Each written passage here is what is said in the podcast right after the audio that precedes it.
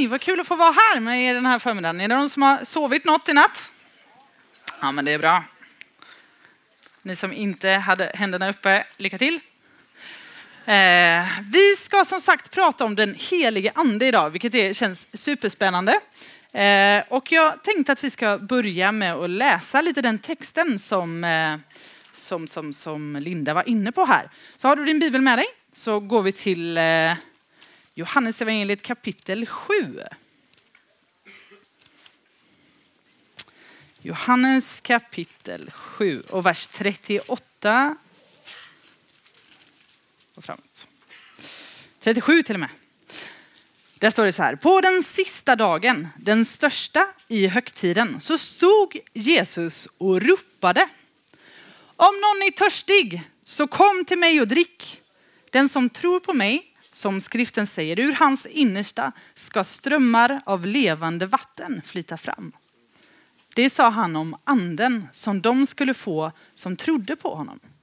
Anden hade nämligen inte kommit än eftersom Jesus ännu inte hade blivit förhärligad. Ska vi be en bön tillsammans? Jesus, tack för att du är våran Gud. Tack för att du är den vi får tillhöra. Tack för att du har sagt att vi är dina barn. Tack för att vi får tillhöra dig för vad du gjorde på korset. Tack för att du hängde där. Du bredde ut dina armar eh, som en famn runt oss för att vi skulle få lära känna dig. Och tack för att du kom för att vi också skulle få lära känna dig, helige ande.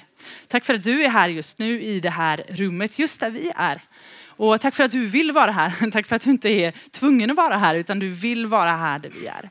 Ber om att du ska komma och tala till oss idag, att du ska uppenbara saker för oss idag, att du ska låta oss förstå, förstå saker ännu bättre idag så att vi kan få lära känna dig djupare och dela livet med dig ännu mer. I Jesu namn. Och hela Bible Boost-tältet viskade ett Amen. Amen, bra. Vi ska inte swisha nu utan vi ska Hörrni, eh, idag så tänkte jag att vi ska frå- eh, ställa oss lite frågor. Jag önskar att ni ska få lite mer svar på de här frågorna. Vem är den heligande? Vad gör den heligande för skillnad i mitt liv? Och hur tar jag emot mer av anden? Den här texten som vi läste alldeles nyss ifrån Johannes kapitel 7 så ställer sig Jesus upp och ropar och det står att det är den, det är den sista dagen i den, den sista dagen, den största i högtiden. Och den här högtiden som Jesus talar om, det är en högtid som kallas lövhyddehögtiden. Eller på hebreiska sukkot. Kan ni säga sukkot? Mm, snyggt. Det är alltså en judisk högtid eftersom Jesus eh, levde bland judarna och var jude själv. Och Sukkot, lövhyddehögtiden, det var en högtid som man firade i mitten på oktober ungefär. Eh, och det var, det var världens fest. Det var nämligen så att man byggde små hyddor. Det låter kanske inte jättefestligt, men ja. Men man byggde hyddor av eh, löv och eh, grenar. Så om man bodde i Jerusalem där man eh, hade festen så, så byggde man en sån här liten hydda antingen på sitt tak på huset eller liksom i anslutning till huset. Och, så, och kom man tillresande till Jerusalem då, då tältade man eller byggde hyddor liksom utanför stan eller där det fanns plats. Eh, så, så man samlades på samma plats och så bodde man i typ, ja men man får ju lite känslan av att vi typ firar Sukkot, lövhyddogtid här. Är ni med? Vi har ju tält, husvagnar överallt. Man har liksom, bor inte hemma utan man bor någon annanstans ett tag. Man träffas en vecka, eh, vilket de gjorde. Och så har man, man firar gudstjänst och man har fest och gött tillsammans. Så vi kan tänka oss att Jesus var på Nyhem när det här hände. Han var här och sista dagen, det är ju inte riktigt idag, men vi får se lite framåt. Då ställde sig Jesus upp och ropade att om någon är törstig så kom till mig och drick. Det man gjorde när man firade den här högtiden, det var att man firade, det var en, en eh, skördehögtid. Man firade att nu har vi bärgat skörden. Nu har vi, eh, Gud har försett det här året med sol och med regn så det har växt på våra fält. Nu har vi skördat den, stoppat in den i ladorna. Man kunde andas ut. Nu är jobbet lite färdigt, typ sommarlov. Eh, och eh, man visste att nu kommer jag ha mat att äta för resten av året tills vi kan skörda igen. Så man samlades och tackade Gud för att han någonstans hade försett med det som kroppen behöver, det man behöver för att överleva. Men något som var stort på den här högtiden, det, det är något som, som, som man firar, eh, som Gud hade, man firade att Gud också hade försett i tidigare dagar. Anledningen till att man byggde de här hyddorna och att man bodde på det här sättet var att man, man kom ihåg vad Gud hade gjort innan. Eh, kommer ni ihåg när att eh, Mose han befriade ju folket ifrån Egypten, eller hur? Så gick de genom Röda havet och sen så var de ute i öknen och gick och gick och gick och gick och gick. Jag vet inte riktigt Sandra vilken, vilken takt de hade, men ja. antagligen gick de för långsamt för det tog 40 år att komma fram. Men under tiden där i alla fall så kanske ni kommer ihåg att de hade inget att äta och då regnade det manna från himlen som de kunde käka. Har ni läst det? Men något annat som hände där också var att Gud försåg med vatten. Eh, och det under den här Sukkot lövhyddehögtiden, det firade man att Gud hade försett med vatten. Och då får vi slå upp, gå tillbaka. nu ska vi läsa från Gamla Testamentet, från Andra Mosebok eh, kapitel 17 och vers 1 till 3. Där står det så här. På Herrens befallning bröt hela Israels församling upp från öknen Sin och drog från lägerplats till lägerplats. Och de slog läger i Refidim. Där hade folket inget vatten att dricka. Då grälade folket på Mose och sa, ge oss vatten att dricka. Som om han hade gömt vatten någonstans. Men Mose svarade dem, varför grälar ni med mig? Varför sätter ni Herren på prov? Men folket törstade efter vatten och de klagade på Mose och sa, varför har du fört oss ut ur Egypten så att vi och våra barn och vårt boskap måste dö av törst? Jag vet inte om du har varit törstig någon gång. Jag misstänker att vissa av er är lite törstiga just nu. Jag misstänker att ännu fler kommer vara lite törstiga om en stund. För det är nämligen så att våra, våra kroppar behöver ju vatten, eller hur? Vatten är en, en enkel molekyl. Det är en, två väteatomer och en syratom som tillsammans gör H2O, vatten. Och vatten är helt avgörande för vår överlevnad. Man räknar med att om man inte äter mat så klarar man sig under normala omständigheter i kanske 60, kanske upp till 70 dagar utan mat. Men vatten klarar man sig bara utan i tre dagar. Sen är man väck. Död alltså. Ja. Så vi är helt beroende av vatten. Ett, ett spädbarn som föds, det består ungefär till 70 procent av vatten. Det är lite, lite mindre eh, procenthalt än gurkan som ligger på 96 procent genom hela livet. Eh, men en vuxen människa eh, ligger på ungefär mellan 50 och 60 procent vatten. Så om du tittar på den som sitter bredvid dig så ser du, ja men här, hälften av det jag ser här, det är bara vatten. Så om du någon gång skulle hamna i det läget att du tycker att du är ganska viktig så kan du påminna dig själv om att du bara är vatten. Eller om du har någon ledare som kanske den verkar tycka att den är väldigt viktig så kan du säga, hörru, du är bara hälften vatten, lugna ner dig lite. Vi består av väldigt mycket vatten och därför är vi också helt beroende av vatten. Och när vi blir törstiga så är ju det ett tecken på en brist på vatten, eller hur? Törsten signalerar för alltså att nu Linda, nu är det dags att dricka, för det börjar bli lite för låga nivåer här. Gud har skapat oss ganska, våran kropp ganska smart att signalera det här till oss. Så törst, det är ett tecken på en allvarlig brist. Man blir mer och mer törstig. Bristen är mer och mer allvarlig. Vi fortsätter läsa från andra Mosebok, eh, där vi slutade. Så läser vi vers 4 till 6. Och där står det så här. Då ropade Mose till Herren och sa, vad ska jag göra med det här folket? Snart stenar de mig. Herren svarade Mose, ta med dig några av dina äldste i Israel och gå framför folket. Jag tänker mig, det var typ livvakter han behövde. Han var livrädd. De höll på att ha ihjäl honom. Så Gud skickade några livvakter till Mose att gå framför folket. Ta, din hand, ta, din, eh, och ta i din hand staven med vilken du slog på Nilfloden och gå. Så jag ska stå där framför dig på Horebs klippa och du ska slå på klippan, då ska vatten komma ut ur den och folket ska få dricka. Mose gjorde så inför de äldste i Israel. Så Mose han går fram till den här klippan. De är ungefär kanske en och en halv miljon människor som är med. De är lite fler än vi på Nyhem eh, när det här händer. Men de, han går fram och så slår han med sin stav på klippan och så kommer det vatten. Det var liksom inte att han hittade ett litet hål där, utan Gud gör verkligen ett mirakel. Folket behöver vatten, deras kroppar behöver vatten och Gud förser med det vattnet de behöver. Och det står sen också att de stannar där. Och det kan man ju förstå. Vandra i öknen, det är godare att stanna på en plats där det finns vatten. Så Gud gör ett under. Och jag tror att efter det här så fick nog Mose ganska mycket cred. Man tyckte att Mose, ja men du, du är ändå rätt bra. Vi var lite sura på dig, men du var ändå rätt bra.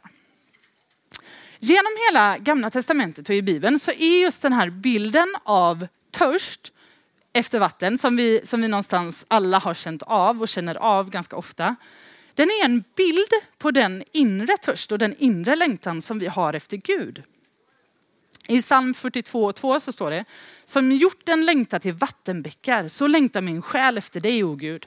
Min själ törstar efter Gud, efter den levande guden. När får jag komma och träda fram inför Guds ansikte? Psalmisten uttrycker den här längtan efter Gud. Längtar efter det som, som längtan efter vatten. Och i psalm 143 och 6 så står det, jag sträcker mina händer mot dig. Min själ är som törstig jord inför dig. Har ni sett en riktigt torr jord någon gång som liksom har spruckit? Och så liksom, ah, man bara ser hur den här jorden skriker efter vatten. Så kan det kännas på insidan ibland. Så uttryckte psalmisten att det kändes längtan efter Gud. Men i gamla testamentet så lovar Gud att det här, att det ska komma någonting som släcker den här törsten. För jag tror att den här längtan eh, och den här törsten som finns på insidan efter Gud, den tror jag alla människor bär på. Jag tror att, jag tror att varenda människa här inne bär på den. Jag tror att varenda, i våra familjer, i våra skolor, var vi än rör oss, på jobbet, att alla människor någonstans har en längtan efter, efter det som var tänkt. För Gud skapade ju oss och vi läser i, i första Mosebok om hur, hur, eh, hur Gud skapar människan och hur Gud skapar människan till relation med honom och till, till varandra och till skapelsen. Men så går någonting sönder i och med syndafallet och där, där blir det liksom den här bristen i våra hjärtan. Där uppstår den här bristen i våra hjärtan för vi är skapta för att leva med Gud. Och Gud vill inte ha det så. Det är inte bara vi som längtar efter Gud, utan Gud längtar efter oss. Genom hela gamla testamentet så ser vi det från den dagen när människan åt av frukten som man inte fick så, så är Gud på jakt efter människan. Så är Gud på jakt efter dig och efter mig. Han ger sig inte. Han säger, jag vill bo nära er, jag vill vara nära er. Han säger, bygg, bygg ett tabernakel, ett tält så att jag kan bo mitt i tältet, så att jag kan vara nära mitt folk. Han säger, bygg ett tempel, jag kan leva där så kan ni komma till mig så vi i alla fall kan ha relation. Men han har också en bättre plan. I gamla testamentet, i Joels bok, eh, som är en profet, i kapitel 2 så finns det några kända versar som du kanske känner igen om du har varit i kyrkan ett tag. Det står, det ska komma en tid då jag utgjuter min ande över alla. Era söner och döttrar ska profetera, era gamla män ska ha drömmar och era unga män se syner. Också över slavar och slavinnor ska jag då utgjuta min ande. Och det här utgjuta uttrycket, nu blir jag törstig. Ja, Jesus sa. Men det, det betyder liksom att, att hälla ut.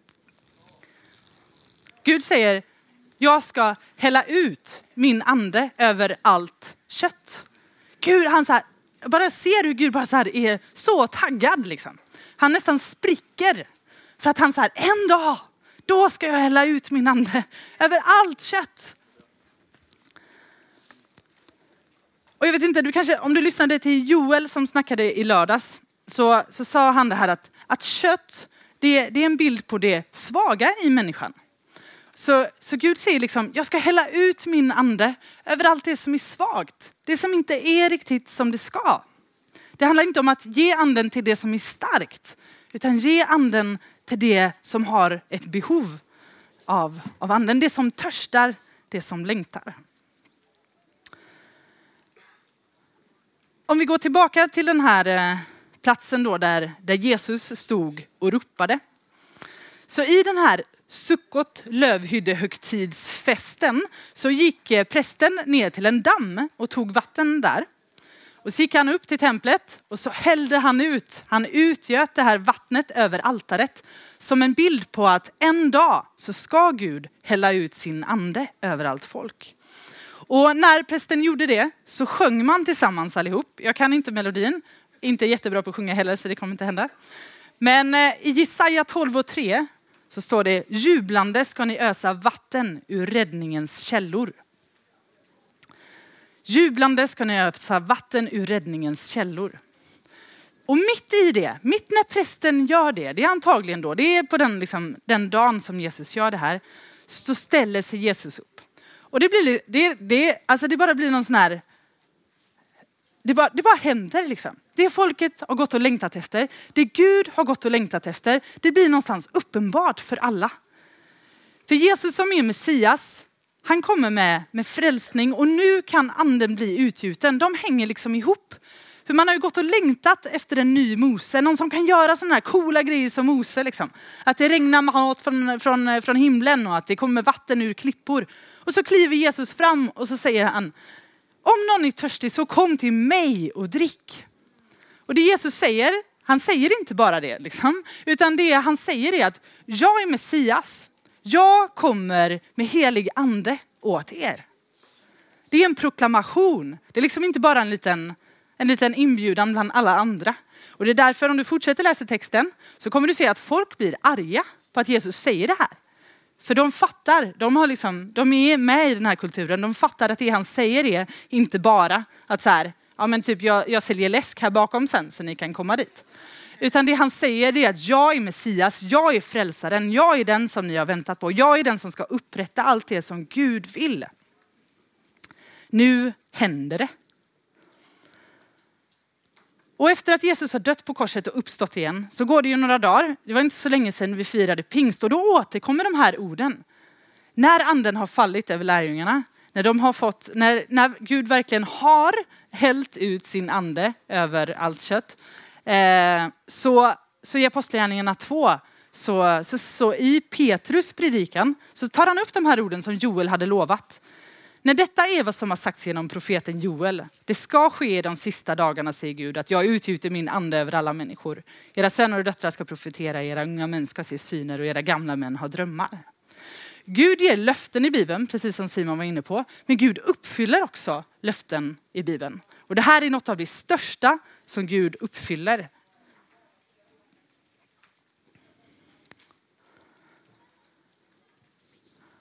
När Jesus eh, säger de här orden, du som är törstig, kom till mig och drick. Då finns det två saker i den här texten som är ganska spännande.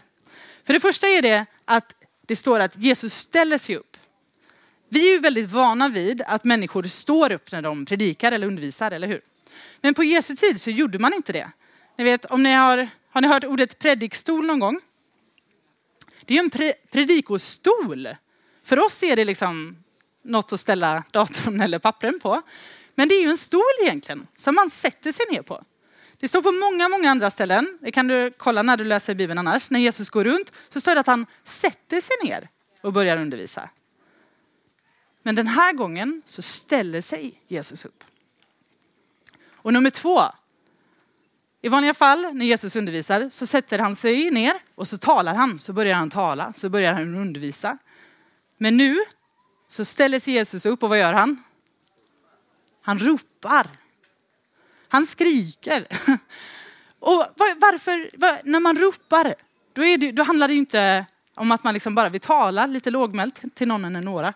Utan ropar använder man ju när man vill säga någonting högt och tydligt så att alla ska höra och någonting som är angeläget. Om man vill säga någonting som inte ska höras så mycket, då kan man viska. Men om man ropar, då vill man att det ska höras. Då är det ingen hemlighet. Så Jesus han ställer sig upp och han ropar. Han är mån om att alla som är där ska få höra hans ord. För Jesus vill ge ande till den som ber honom om. Han vill ge mer av anden. Han vill ge mer av anden till de som är där då, att de ska få det så småningom när han blir förhärligad. Men han vill ge mer av anden till dig idag. I Lukas evangeliet så säger Jesus, finns det någon far bland er som ger sin son en orm när han ber om en fisk eller en skorpion när han ber om ett ägg? Om nu ni som är onda förstår att ge era barn goda gåvor, ge goda gåvor till era barn, hur mycket mer ska då inte er far i himlen ge den helige ande åt dem som ber honom? Alltså Gud längtar efter att ge oss mer av den helige ande. Det är det vi är tänkta för, det är det vi är skapta för. Alltså, ja, han, han står fortfarande där på tå liksom och bjuder in oss. Kom, jag vill ge dig mer. Ibland så kan jag höra, kanske inte folk säga, men man förstår lite av att så här, räcker det inte med Jesus då? Räcker det inte med att tro på Jesus? Det där med anden verkar så komplicerat. Men det gör inte det, för de hänger så tajt ihop.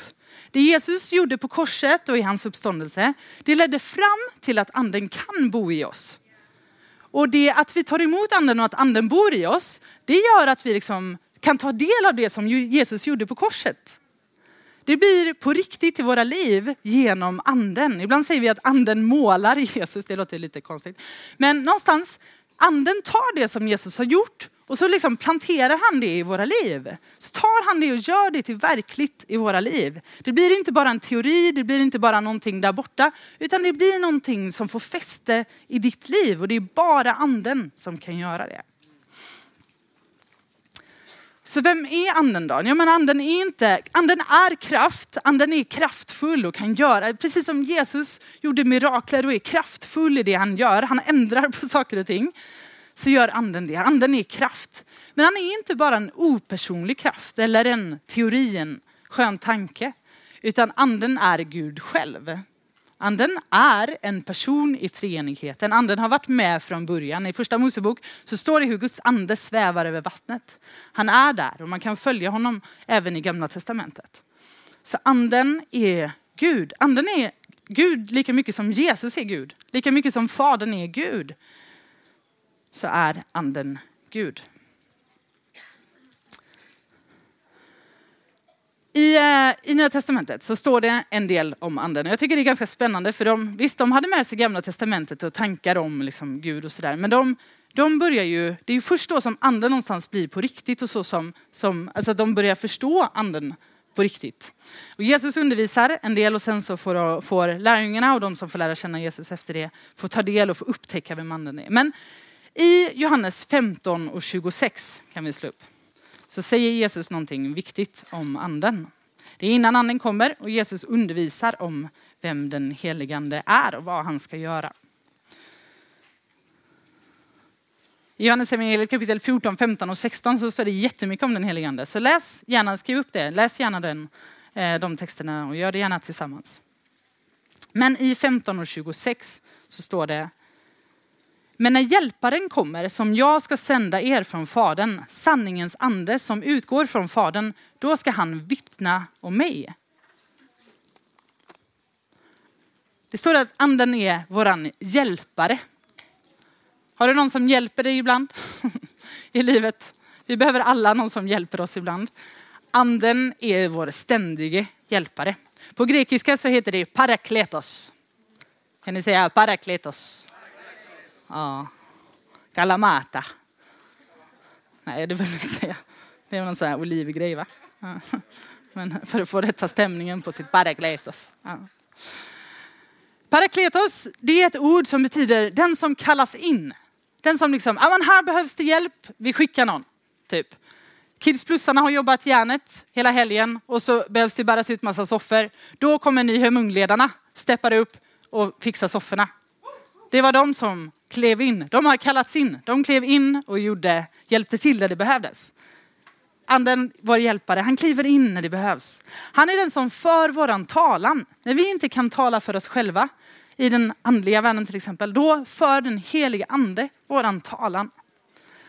Och parakletos, det här är alltså så som det används, det här grekiska ordet, är den som ger mod.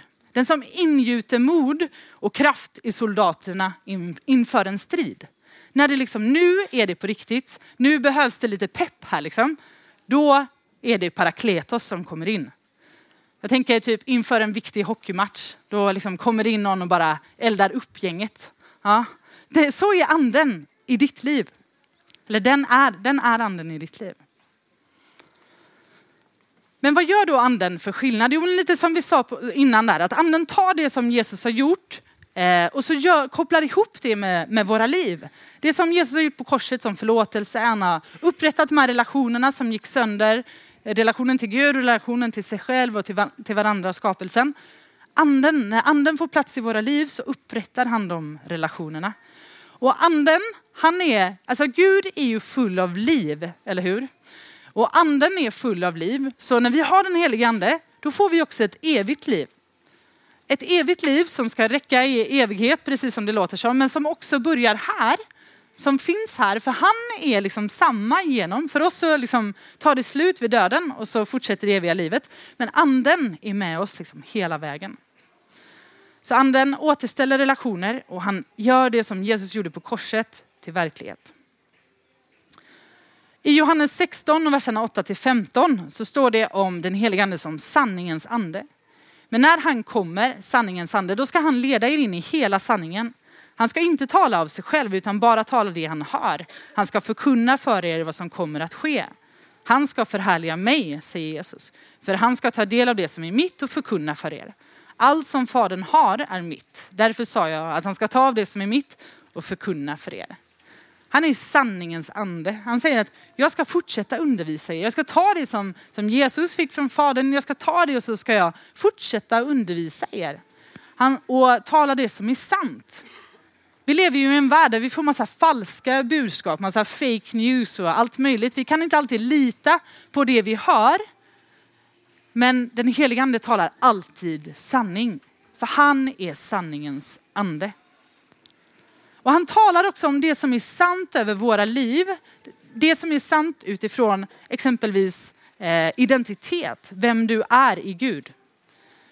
I Apostle, nej, Apostlagärningarna, det skrivit fel. Men i Romarbrevet 8, vers 15-16 så står det, ni har inte fått en ande som gör er till slavar så att ni måste leva i fruktan igen. Ni har fått en ande som ger söners rätt så att vi kan ropa Abba fader. Anden själv vittnar tillsammans med vår ande om att vi är Guds barn. Så anden talar sanning om dig och talar sanningen om dig. När anden får utrymme och liv, eh, utrymme och, ja, i ditt liv så kommer den ständigt bara påminna dig om sanningen som Gud har sagt om dig. Om din identitet i honom. Att du är Guds barn, att du är skapad underbar, att du är förlåten, att du är älskad. Att du är accepterad, att du är befriad, att du är efterlängtad, att du är kallad och att du är utvald. Det är sån sanning som den heliga ande bara pumpar ut i hela din kropp. I varenda cell, i varenda liksom minsta beståndsdel så vill den heliga ande bara marinera dig i den sanningen. I Romarbrevet 5 och 5 så står det, och hoppet sviker oss inte för Guds kärlek är utgjuten, den är uthälld i våra hjärtan genom den helige ande som han har gett oss. Vill du älska Gud, vill du älska andra människor, vill du älska dig själv så behöver du den helige ande. För den helige ande, den, han kommer med kärleken till dig, fyller dig med kärlek och med hopp. Den helige ande uppenbarar och vägleder oss också. Han kan tala till oss vad, vilken väg vi bör gå, kan påminna oss om, få oss att se någon person som kanske behöver ett uppmuntrande ord eller som bara behöver ett hej. Kan, kan leda dig till vad du ska göra efter gymnasiet eller året efter det. Eh, eller vilket gymnasie du ska välja. På olika sätt så uppenbarar och vägleder den helige ande oss. Men i Galaterbrevet 5 och 16 så står det också, vad jag vill säga i detta, vandra i anden så gör ni inte vad köttet begär. Alltså gör ni inte vad, vad egot vill, vad egoismen vill i ditt liv. Vandra i anden så gör ni inte det. Så den heliga ande han hjälper oss att välja det som är rätt. Det som är rätt framför det som är lätt. Och nu ser jag att det står fel på här. Men ni fattar. Han, välj, han hjälper oss att välja det som är rätt framför det som är lätt. Den helige ande kan uppenbara saker i våra liv som inte riktigt är som de ska. Saker som, som, eh, ja, men som inte rimmar riktigt med, det, med Guds plan för oss. Den helige ande säger, men du, Gud har gjort mer för dig. Du, du är bättre än det där. Du är mer än det där än att hålla på med den där skiten. Det påminner den helige ande oss om. Vem vi är. Så att du är detta, så håll inte på med det. Och så ger oss den helige ande kraften att ta oss ur saker som vi, ibland, eller som vi kallar synd. Han gör oss fria från sånt som bryter ner oss och bryter ner andra runt omkring oss. Han säger, du är mer än det där. Du är mer än det där. I Romarbrevet 8 och 26 så står det, så hjälper också anden oss i vår svaghet. Vi vet inte vad vi borde be om, men anden själv vädjar för oss med suckar utan ord. Den helige ande ger oss tungotalet. Ett sätt att be som anden ber utifrån vad Gud vill. När vi kanske inte vet vad vi ska be. Eller när vi bara vill be mer efter vad Gud vill än, än vad vi vill. Så kan vi få använda tungotalet. Det är en gåva. Den helige ande utrustar också för tjänst. Det kommer mer ikväll eh, och imorgon. Och jag vill bara avsluta med att säga någonting om att, att Ibland så kan anden kännas som en plusmeny eller någonting för dem som är lite extra duktiga. Och det är totalt tvärtom. Varenda en av oss behöver anden och Gud vill ge ande till var och en av oss. När man känner att man inte räcker till, när du känner så, nej men jag är inte tillräckligt bra för det. Det är då du behöver den helige ande som mest. Så sök och be, bara säg Gud nu är det, nu är det inte bra här. Helige ande hjälp mig. Den bönen behöver jag be oftare. Så se till att du har platser i ditt liv där du får dricka, där du kan komma och dricka hos Jesus. Gå på gudstjänst, läsa Bibeln, ha personlig andakt, vara med i en hemgrupp, sjunga lovsång till Gud, gå på promenader, ta en dusch, diska. Ja, men hitta platser där du har lätt att komma nära och få dricka av Jesus. Men kom ihåg framför allt att om du längtar efter den helige ande så längtar Gud så mycket mer efter att ge dig av den helige Ande. Amen.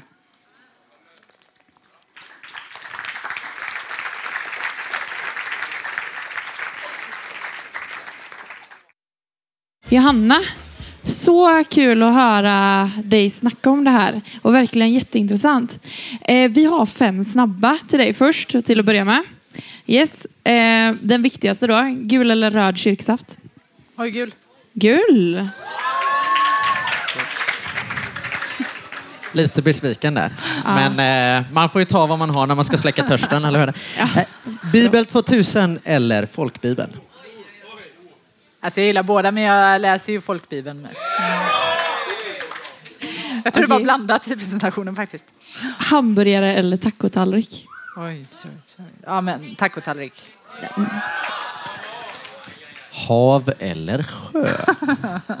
Den är viktig. Ja, hav. Okej, eh, sommar eller skidläger? Sommar. Alltså jag blir alltid sjuk på skidläger. Ja, magsjuk? Och, nej, förkyld. Förkyld, mm. ja. Ja men skönt eh, att eh, du inte är förkyld nu. Ja. ja. Eh, vi har fått in massa frågor och eh, ni kan verkligen fortsätta skicka in frågor. Jag tror att numret fortfarande ska stå. Eh, men först så vill vi veta, för vi har frågat alla talare att eh, ta med sig boktips. Ja. Så Johanna, vilka boktips har du? Jag har, eh, först har jag den här. Den är liten och behändig. Eh, den har Pings tagit fram i en serie som heter Trons hemlighet. Och den här boken heter Andedop.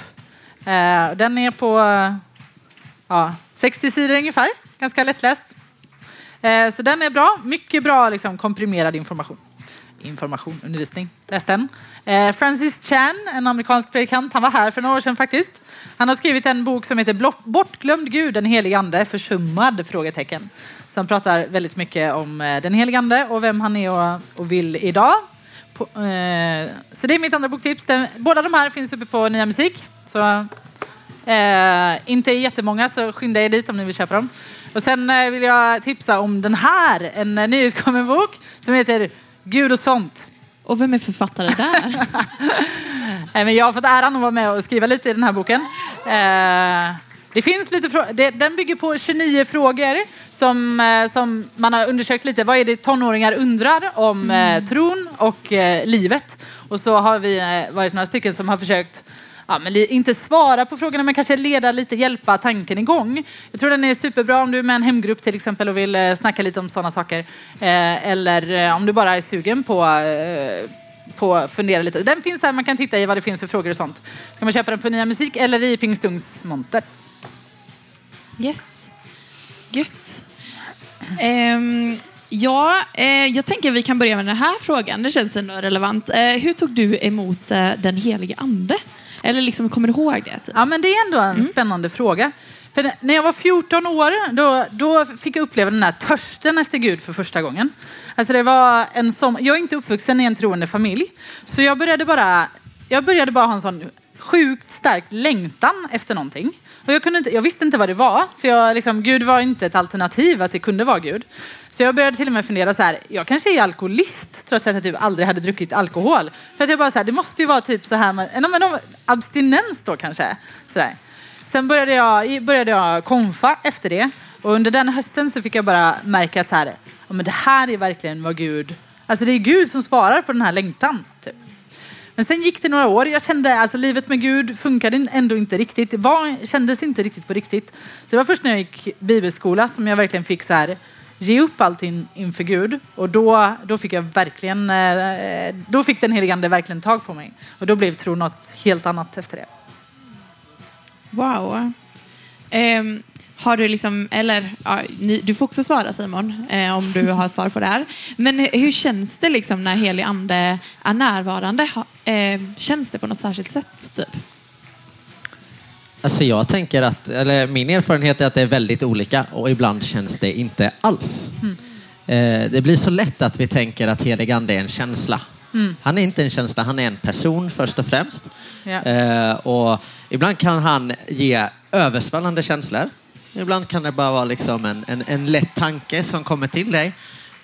Det behöver liksom inte vara oh, wow så här. Det kan vara det. Kan vara det. det kan vara liksom eh, min starkaste känsla har liksom varit att jag blir liksom ja, hamnar på ett golv, det känns som det brinner. Det här låter ju jättekonstigt, jag vet. Det är Nyhem, typ 2002. Eh, någon, någon skön snubbe, jättebra predikan som jag inte minns ett dugg av. Eh, kommer fram när jag går till förbön, ni vet som man gör, för det gör man, för det är gött. Eh, och så, så kommer det fram någon snubbe och bara så här, någon indisk nisse, som så här, det, blir, det blir inte konstigare. Nej, nej. jag försöker göra det naturligt och bra. Och, och liksom bara, jag ser eld i dig. Vill du släppa ut det? Ja, säger jag. Så, hopp, så ligger jag på golvet i gruset, för då var det tält. Ah. Det gjorde inte ont. Det är det som är det goa. Jag föll bakåt, det gjorde inte ont. Eh, det känns som att det brinner runt omkring mig, fast mer du vet som gött. Inte så här, oh det brinner, det är ont, utan det är gött. Eh, och jag kan inte ta mig därifrån för jag kan inte mm. just då röra på mig. Och det är inte heller obekvämt utan det är en sån bara påtaglig gudsnärvaro. Det mm. var grymt. Mm. Det var fantastiskt. Men det är faktiskt ännu viktigare. Skulle jag säga. Det där är en sån här defining moment för mig. Men det är ännu viktigare mitt i min vardag. Yeah.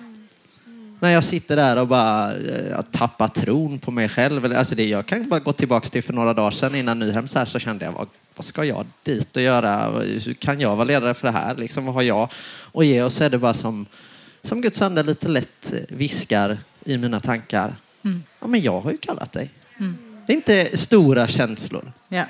Det är inte imponerande grejer. Men det är liksom, båda de behövs. Nu blev jag långrandig. Yes.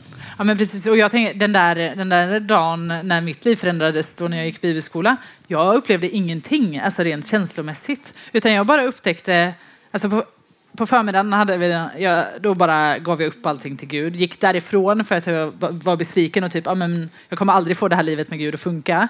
Och så gick jag och var sur hela dagen. Och sen så på, på kvällen så var jag på en lovsångsmöte typ och bara upptäcker hur allting är helt annorlunda. Det var liksom in, då kom känslor av glädje. Men just det, det hände någonting utan att jag kände det. Men annars kan jag ofta uppleva heligande som ja, men man känner att man ryser i kroppen eller typ någon form av så här, lite, eh, tryck låter ju mer, men, liksom, ja, men att det är någonting över en på något sätt eller i en, liksom, som en närvaro liksom, så som man inte kan förklara på något annat sätt. Ja, och jag tänker att det är viktigt att säga att vi alla är ju unikt skapade. Liksom. Mm. Och eh, Det innebär ju också att Gud kommer möta oss, eller anden kommer möta oss på olika sätt. Mm. Och Om du är en känslomänniska, då kanske det är känslor som han möter dig i oftast. Men han kan också välja att inte möta dig i känslorna då. Liksom. Mm. Eh, men, eh, ja, men jag känner igen det här med eh, gåshud, eller gudhud som jag brukar kalla det. Eh, det tycker jag är bra tecken. yes. Mm. Och sen, man ska ju komma ihåg att någonstans blir det ju att man ser att det händer någonting i ens liv. För en upplevelse som inte liksom får någon vidare konsekvens. Men att man märker att den helige ande är aktiv. Växer i kärlek, i längtan efter Gud, i ja, men att man ser orättvisor på ett annat sätt. Alltså det finns många sådana eh, saker som, som, eh, ja, men som visar på att anden är aktiv och, i ens liv. Yes. Eh, jag får många frågor om eh, andedop. Eh, vill ni bara förklara vad andedop är om det är någon som inte liksom har koll på det? Nej, men dop betyder ju typ nedsänkt. Så att det handlar ju någonstans om att, eh, att bli... Ja, men jag tänker lite det här att eh, anden hälls över en. Eller att man, man blir helt fylld av anden någonstans. Eller anden kommer över en. Liksom. Eh, och Bibeln är ju lite... Alltså, Bibeln talar ju om att men vi ser, när vi läser Apostlagärningarna så händer det på lite olika sätt. Typ Cornelius, då, då får de den heliga ande och sen blir de döpta i vatten och liksom, efter att de har tagit emot Jesus. Ibland så finns det människor som har tagit emot Jesus och så behöver de bli andedöpta efteråt. Så det är lite sådär. Eh, men jag, jag har funderat lite på det där.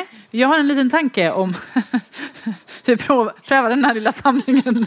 Men, men någonstans att ibland så behöver vi det här eh, liksom andedopet, att Gud verkligen kommer över oss, ett defining moment. För att vi någonstans, våra hjärtan ska bli kalibrerade. För efter det så vet vi att ja, men det är så jag riktar mig för att få, få dricka av Gud igen. Någonstans. Att det någonstans hjälper oss till den platsen.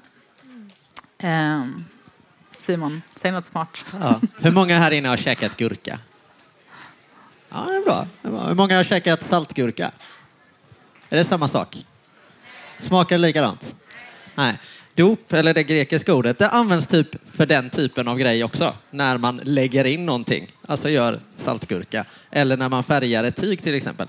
Det mm. blir någonting annat. Det är vad andedop är tror jag. När, när, när Gud liksom, jag gillar att laga mat. När Gud marinerar dig. Mm. Alltså han så här, oh. eh, men jag, jag tänker också att det är en sån här det blir lätt att vi tänker, då blev vi andedöpt. Jag tror att vi behöver bli uppfyllda av anden då och då. Ja, det, det, står eh, vi har liksom pingstdagen i Apostlagärningarna 1 och det står liksom anden kom och det så här, ja, folk tror de är fulla, det är liksom grejer som händer. Och så kan ni bara läsa fyra kapitel framåt. Det har varit lite jobbigt, det har varit lite tufft, det har varit lite så här tungt, de har blivit förföljda, de har kallat in dem inför liksom prästerna som bestämmer och bara nu får ni inte berätta om Jesus mer, i så fall dödar vi er. Typ god stämning va? Mm -hmm. så här, man, man, man, hade gått därifrån bara, oh vad, vad, vad starkt.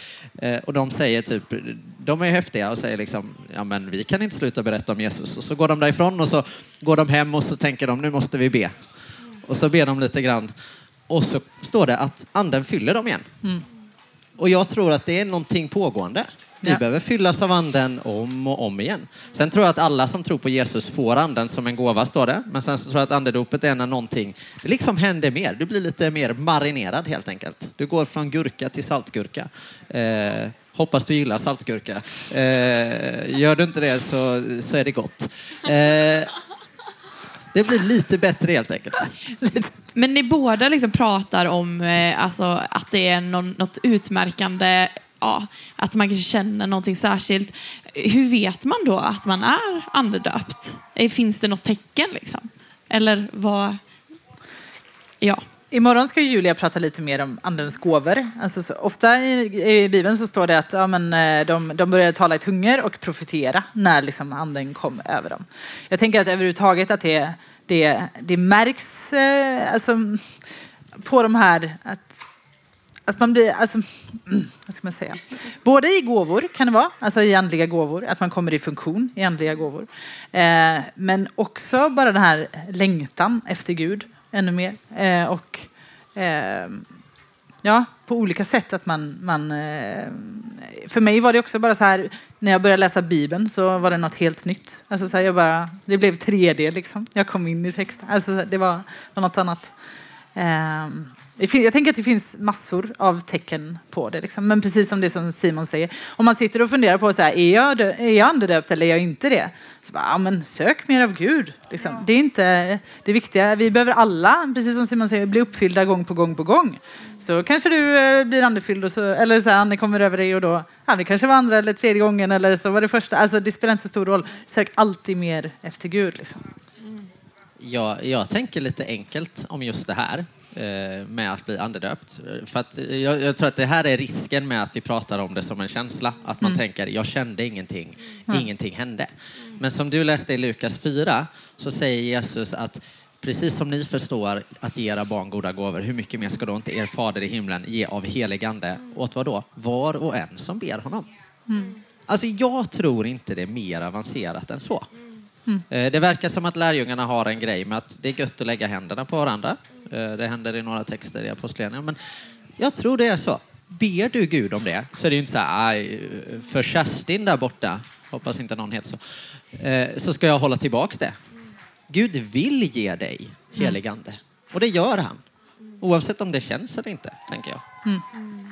Nej, men jag, jag tänker också precis det som ni säger båda, att eh, ja, men han vill ge oss, det står liksom i löftet, att han vill, han vill att vi ska få ta del av hans ande. Han vill såklart hjälpa oss att eh, ha en tro på, på Jesus. Och, eh, och att ja, men det kanske inte spelar så himla stor roll, utan vi menar att söka mer av honom ändå. Liksom, och då mm. eh, så kan han få lov att, eh, att ge mer av sig själv. Vi får många så här frågor om, har du något vittnesbörd? Har du eh, berättat något den helige Ande gjort i ditt liv? Eh, något sånt här. Ja, berätta någonting.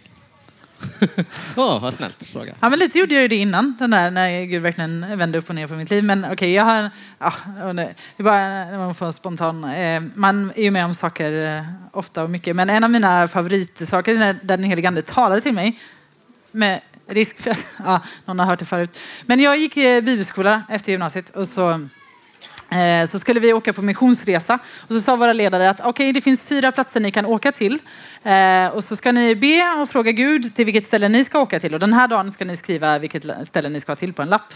Ja, så då eh, gjorde jag det och så eh, eller ja, jag bad. Eh, och under tiden jag bad där så, de här dagarna så fick jag en bild av en en, en svart man, en smal man i gröna kläder med en käpp i handen. Sådär. Så jag skrev ner den i mitt block men kopplade inte riktigt. Så jag var jättenojig för att jag skulle skriva fel ställe. Så till slut slutade med att jag inte skrev någonting. Bara, ni får välja. Typ, så, ja. så hamnade jag i alla fall i ett team som skulle åka till Etiopien i Afrika.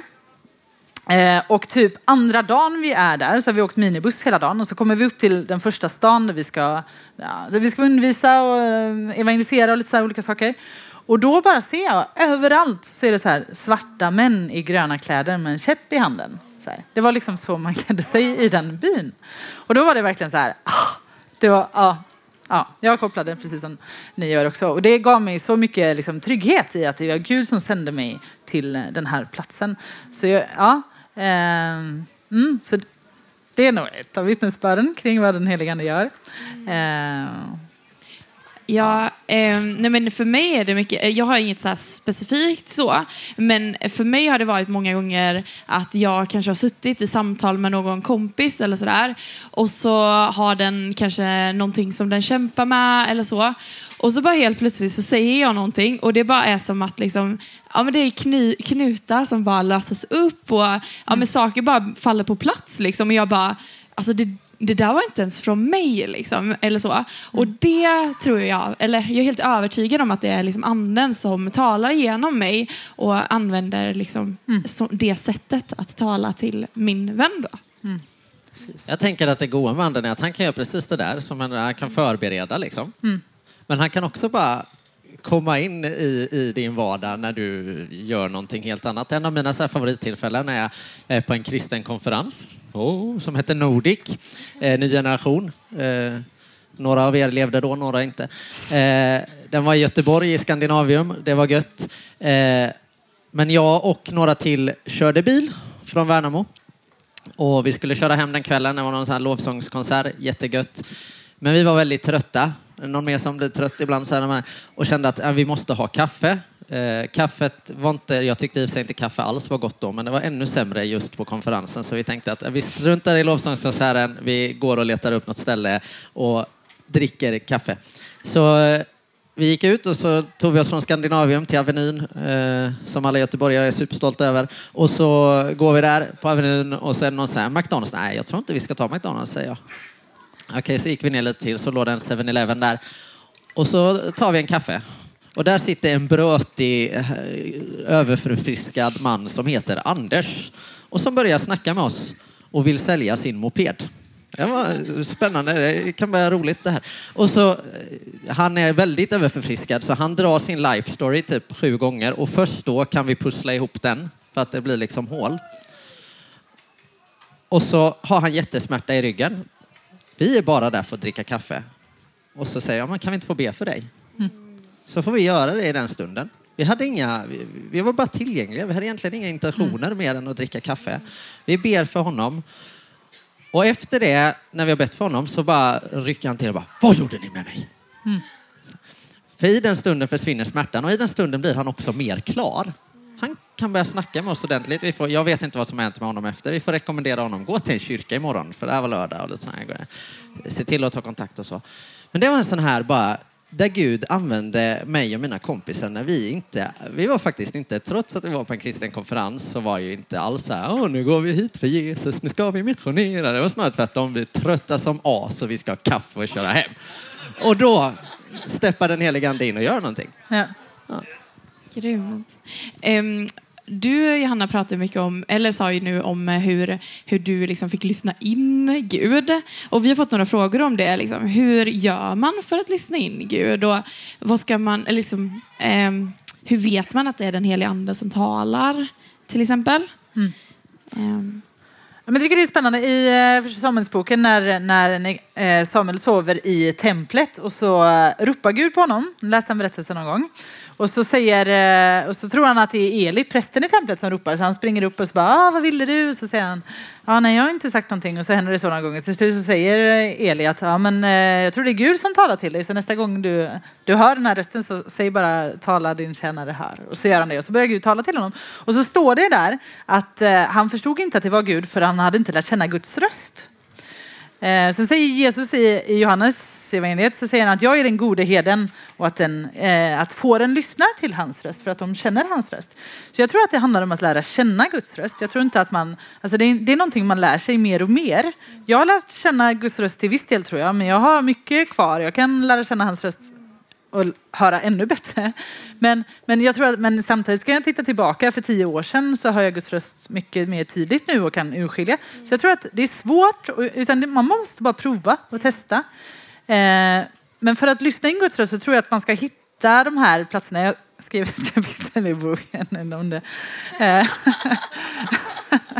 men att hitta sina platser där man någonstans har lätt att koppla, koppla med Gud. För mig kan det vara så här, ja men duschen där kan jag lättare höra Guds röst. När jag står och diskar kan jag lättare höra Guds röst. När jag går på promenader kan jag lättare höra Guds röst. Så här. Och det kan vara olika för olika, kanske när du meckar med moppe eller när du eh, vet inte, målar eller skriver eller vad som helst. Att man hittar de platserna så här, ja men här, här får jag utifrån liksom vem jag är, inte för att jag, ja, det låter, vem är jag då?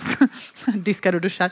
Men, nej, men någonstans eh, att försöka hitta de platserna där man har lättare att höra Guds röst.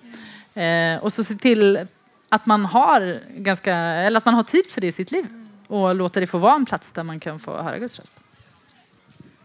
Yes. Nej, men alltså jag, jag håller helt och hållet med. Och det här med att prova, det är verkligen nyckeln tecken eh, på riktigt. Liksom. Om, du är, alltså så här, om du är förebedjare någon gång till exempel, och eh, alltså, då kan man verkligen få prova att lyssna in Guds röst och bara, så här, oh, men Gud vad vill du säga till Simon nu? Och, eh, om jag upplever någonting så kan man få prova det. Man behöver inte säga, ja, jag vet att Gud säger det här till dig nu eh, Simon, utan man kan ändå så här, jag upplever det här nu, du får gärna prova det. Liksom. Och ibland så är det bara klockrent, verkligen. Liksom. Och andra gånger så kanske det inte är helt och hållet rätt. Men, eh, ja, men jag har också liksom märkt hur, hur Gud eh, har eller så här, hur jag har lärt känna Guds röst mer och mer över tid. Och för mig så är det ofta typ att jag får bilder och jag fattar inte överhuvudtaget vad det är för någonting.